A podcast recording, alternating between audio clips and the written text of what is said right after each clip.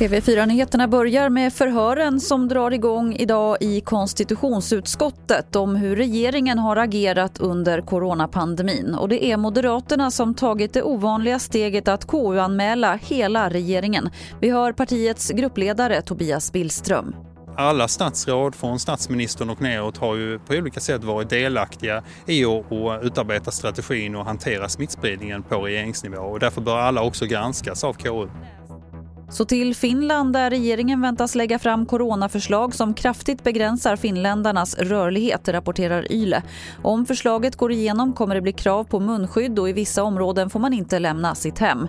Och syftet är förstås att minska på onödiga kontakter för att minska smittspridningen. Och till sist kan vi berätta att OS-facklan nu är på väg till Tokyo. Under natten har den 121 dagar långa fackelstafetten inletts och ungefär 10 000 olika löpare ska turas om att springa med facklan genom Japan innan den då kommer till Tokyo i tid till OS-invigningen i juli. Det var det senaste från TV4 Nyheterna. Jag heter Lotta Wall.